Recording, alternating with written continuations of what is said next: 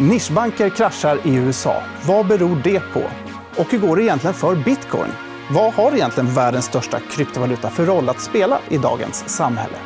Det här ska vi prata om i dagens EFN Marknad. Välkomna! Vi säger också välkomna till dagens gäster Anna Svan, hedgefondförvaltare och med ett intresse för krypto. Tack så mycket. Och vi har också Martin Byström med oss. Du är bitcoin-expert. Ja. Och eh, vi ska väl säga det också för transparensens skull att eh, du och jag Martin har ju en podd om bitcoin som vi brukar köra som ett litet sidoprojekt. För det tycker vi är kul. Ja, stämmer bra. Hörrni, idag ska vi prata bitcoin och eh, kryptomarknaden. Och vi kan börja i senaste tidens händelser i USA. Vi har tre amerikanska banker då, som gick under i, i bankkollapsen för förra veckan. Silicon Valley Bank, Silvergate och Signature Bank. Eh, och de har ju ansetts som ja, de mest kryptovänliga bankerna i USA. Eh, vi kan väl reda ut det där först. kanske. Hur pass stor del av de här bankernas verksamhet var kopplade till kryptobranschen? Jag vet faktiskt inte exakt hur stor del. Har du koll på det? Alltså man kan säga det, var, tillräckligt för att de, de skulle gå under. Um, om vi tar exempelvis Silvergate var ju från början egentligen inte en kryptobank utan de var väldigt progressiva och såg det här som ett, eh, ett tillfälle att få mer inlåning till sin bank. Det var inte så många som ville ge bankkonton till kryptobolag. Men tror du att det är en slump att det är just de här tre bankerna som amerikanska myndigheter väljer att gå in och, och ta över? Så att säga?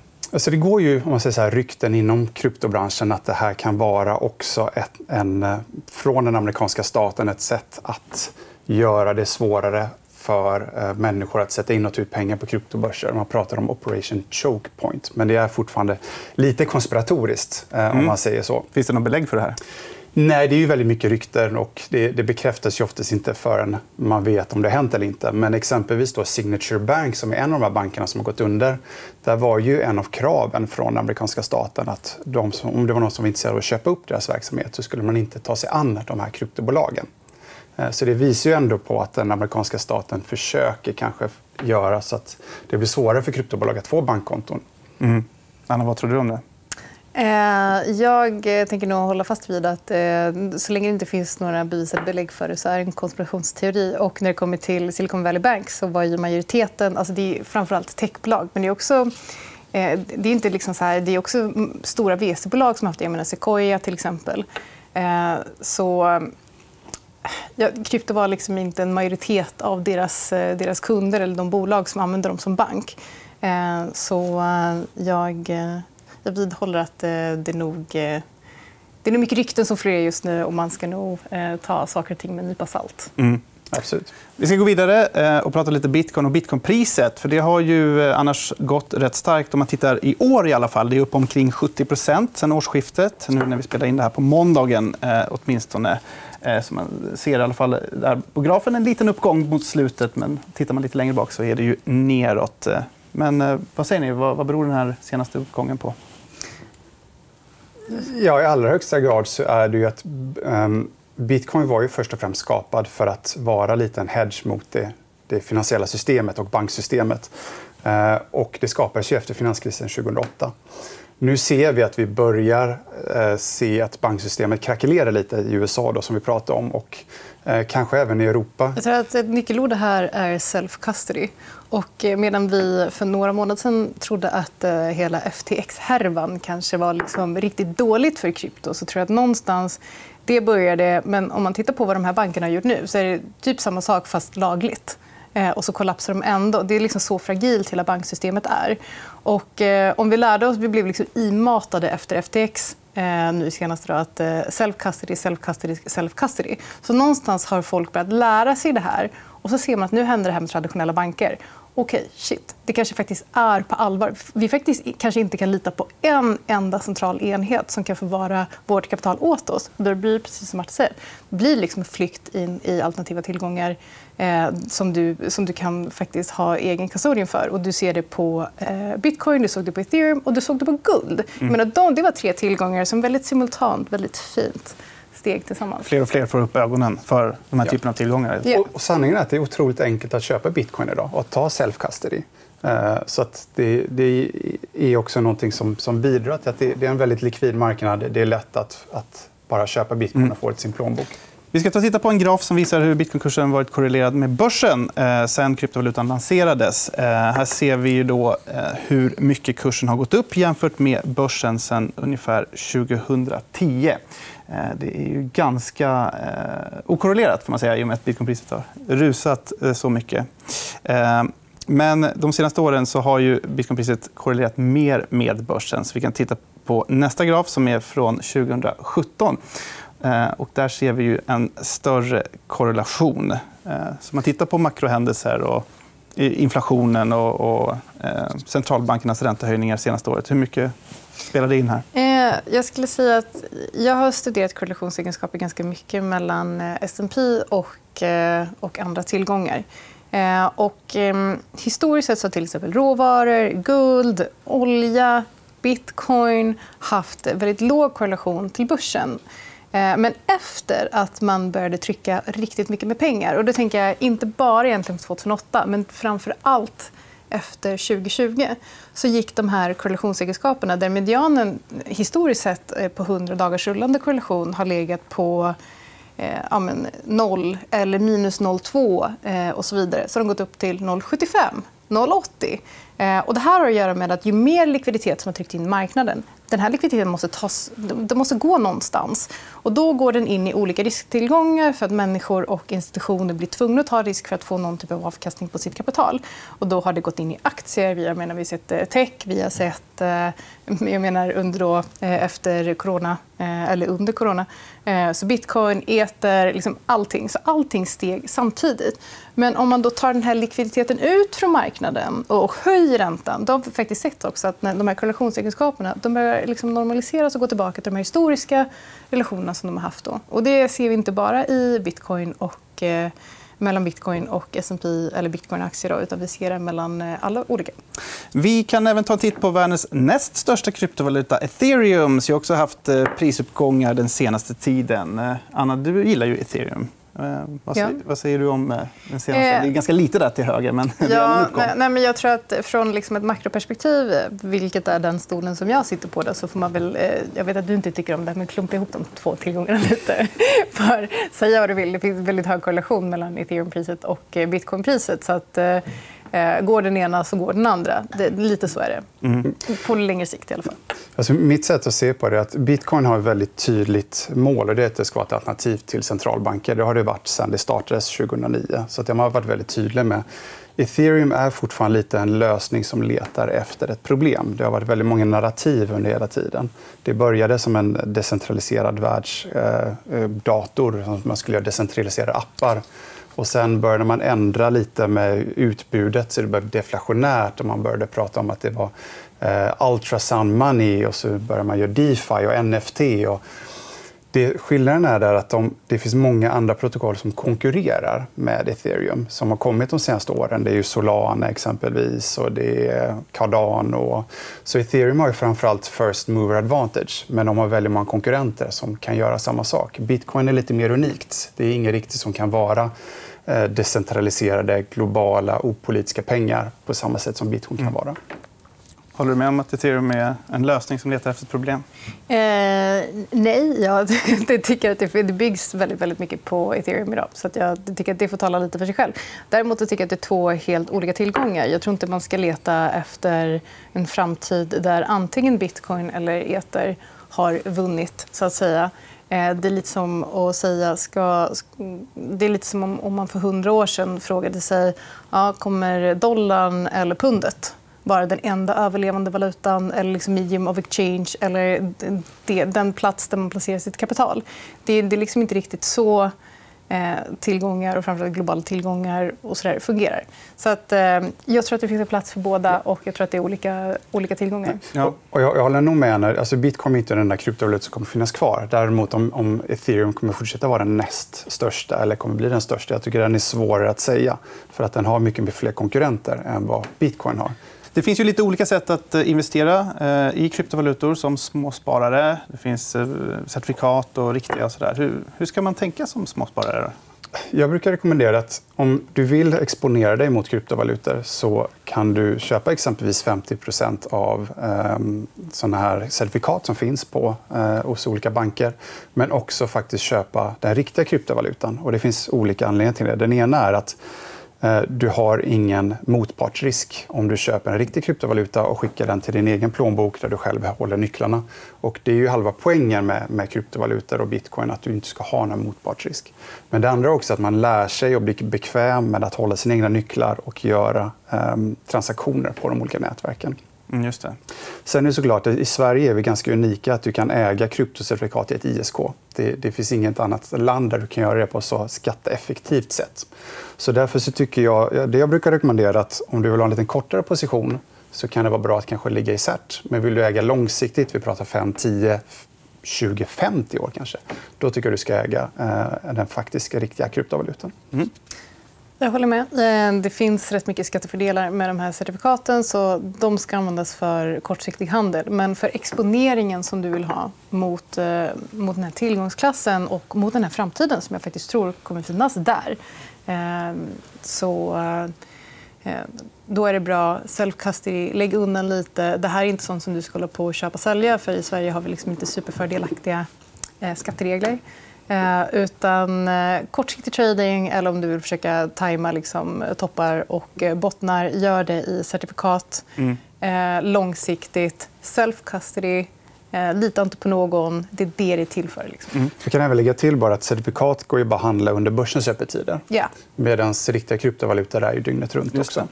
Men om vi återgår lite till bitcoin. Då, så det är ju som du sa eh, lite skattemässiga utmaningar när man ska eh, investera och köpa och sälja. För varje eh, trade måste tas upp i deklarationen. Exakt. Man skattar 30% på varje försäljning även om, eh, även om den är gjord med förlust. Just det. det är otroligt. det är ganska svårt att betala också med bitcoin. Det finns inte så många ställen som tar emot det. Eh, då landar i frågan så här, hur ska man se på bitcoin? Alltså, är det liksom en valuta, eller är det ett betalmedel, eller är det en hedge eller en investering? Alltså, det finns ju kort som crypto.com och så vidare som är, jag vet inte om det är Visa eller Mastercard som är egentligen kopplat till någon typ av wallet och då så betalar man med den. Problemet med att använda det här kortet i Sverige, precis som jag sa, då, varje gång som du säljer krypto ska du skatta 30% så att jag menar, Det är inte riktigt eh, liksom, ekonomiskt försvarbart att använda det kortet i Sverige. Eh, men det finns ju fler och fler såna lösningar som också kommer. Vi ser också att Visa och Mastercard bygger på Ethereums plattform. Så jag tror att i framtiden så kommer eh, kommer man erbjudas att kunna betala direkt med sina ETH men via sitt eh, Visa eller Mastercard-kort. Eh, när det kommer till bitcoin, så, jag vet inte vad du tycker, men jag tycker liksom inte att det ska fungera lite som en, jag tycker inte att det ska fungera som en medium of exchange. Det här är mer liksom store value. Och de vill inte hålla, du vill inte hålla på och göra mycket transaktioner med ditt store value. Alltså så här, om, om, vi bara pratar bitcoin så tycker jag att bitcoin är olika saker för olika människor. I Sverige där vi har ett välfungerande banksystem. Eh, so far. Dina ord, inte mina. yeah. Du kan swisha. Det, det är väldigt enkelt att, att, vara en del av ekonomin i Sverige. Men det är inte det i alla länder. Så för andra länder är ju bitcoin en necessitet. Det är enda sättet för det att faktiskt kunna hantera pengar. Så för dem har ju de ett use case.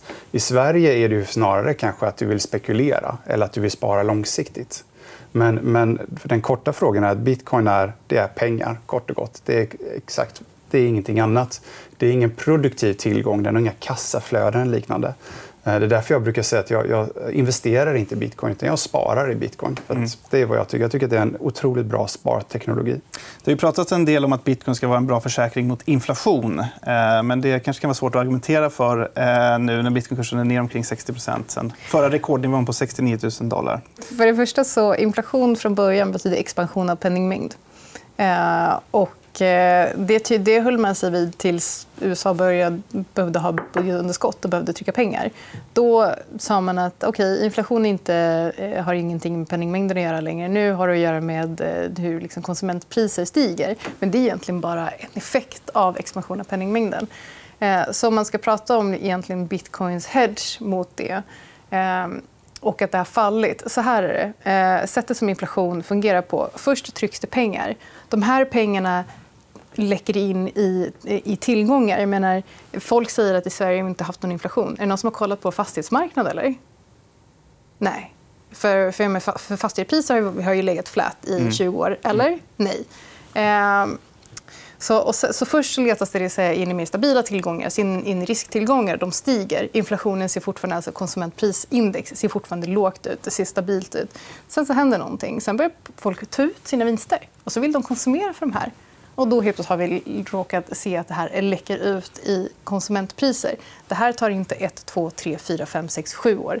Och jag menar, hur många eh, blev liksom inte miljonärer på den senaste rusningen i krypto? Det är klart att folk tar ut sitt kapital och köper saker för det. Mm. Och då får vi inflationen. Då får vi inflation. Mm. Så att, eh, jag skulle absolut säga att eh, Eh, bitcoin, eh, guld och liksom alla de här traditionellt klassiska inflationshedgarna har funkat alldeles ypperligt, framförallt över långa perioder. Det är försäkring mot penninginflation. Kan man säga det? Ja, det, är det jag vill lägga till. här. Det, Anna säger ju helt korrekt. För det första är ju bitcoin säger man att det är inflationsresistent. Det vill säga att det finns bara 21 miljoner enheter av bitcoin. Och på så sätt så kommer det inte skapas inflation inom protokollet.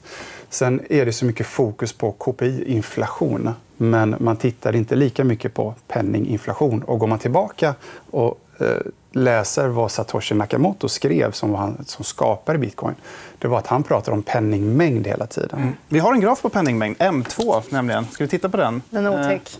Ja, det hände någonting där i mars 2020. Och nu kommer det intressanta här. För att vi började printa väldigt mycket pengar efter kraschen. Och någonting som man oftast glömmer när man pratar om, om bitcoin och eh, inflation är att marknaden är ju forward-looking. Så att det var ju väldigt stora investerare som tog positioner i bitcoin. Det var ju Paul Tudor Jones, var Druckenmiller. De gick in under 2020 för att de såg där en jättebra inflationshedge. Sen är det klart att det blir en hås och marknaden kraschar, precis som Anna säger. Men tittar man eh, vad bitcoin kostar ungefär under 2020 så vi att det var ungefär 10 000 per bitcoin. Nu ligger vi på 26 27 000 så det har funkat jättebra som en inflationshedge. Men du kan inte säga att Oj, inflationen i Sverige är 12% just nu. Då ska bitcoin gå upp 12% Det är ett mm. barockt sätt att se på det.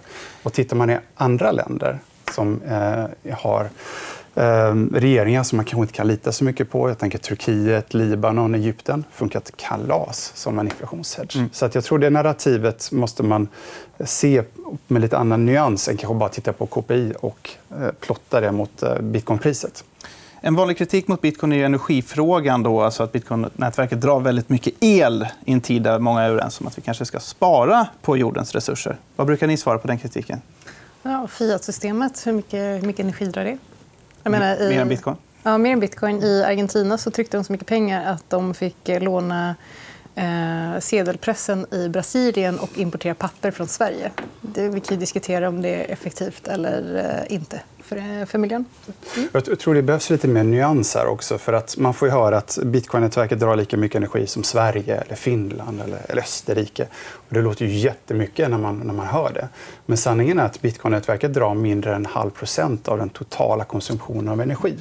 Och då är frågan, är det värt det för att kanske ha ett öppet, decentraliserat, opolitiskt monetärt nätverk? För eh, det, det, här är ett roligt exempel, men torktumlare drar mer energi än vad bitcoin-nätverket gör. Så att då jag kan sluta torka mina kläder ett år och istället ha bitcoin. Sist, då, framtiden. Vad tror ni om kryptomarknaden? Eh, jag säger, som jag har sagt eh, sen november 2021, tror jag det var att, eh, jag tror att eh, vi är liksom inte ute ur den här ackumulationsfasen, som jag kallar det. för att jag vill inte kalla det för bottenfas heller. Det beror på hur banksystemet går. Eh, ja, men... Eh, precis. Men jag tror att Fed Eh, Fed kommer ju inte låta bankerna totalkrascha. De har ju redan visat att de kommer liksom baila ut eh, depos eh. Och det, så jag menar, de, nu kommer man trycka pengar och det kommer och igen då, flöda in i risktillgångar. Så att, eh, jag är optimistisk. Jag fortsätter köpa. Jag eh, är liksom rätt glad att jag har också gjort det under en längre period nu. Bitcoin har alltid varit dragloket för hela marknaden. kan man säga. Och tittar man historiskt så har ju bitcoin haft de här fyraårscyklerna vilket har alltid korrelerat med när halveringen sker, alltså när belöningen till miners halveras. Om det fortsätter kommer göra det, det kan vi bara spekulera om. Men jag tror absolut inte att bitcoin kommer försvinna och jag tror absolut inte att det kommer sjunka så jättemycket med det pris utan jag tror det kommer stiga ganska rejält de närmaste åren. Mm. Där får vi sätta punkt för dagens program. Stort tack för att ni kom hit. Hedgefondförvaltare Anna Svan och bitcoin-experten Martin Byström. Tack så mycket. Tack så mycket. Du har lyssnat på EFN Marknad, en podd som produceras av EFN Ekonomikanalen. Du hittar programmet även i videoformat på Youtube och på efn.se. Kom ihåg att prenumerera på podden och följ oss gärna på Instagram för fler aktietips. Där heter vi EFN Aktiekoll. Ansvarig utgivare är Anna Fagerström.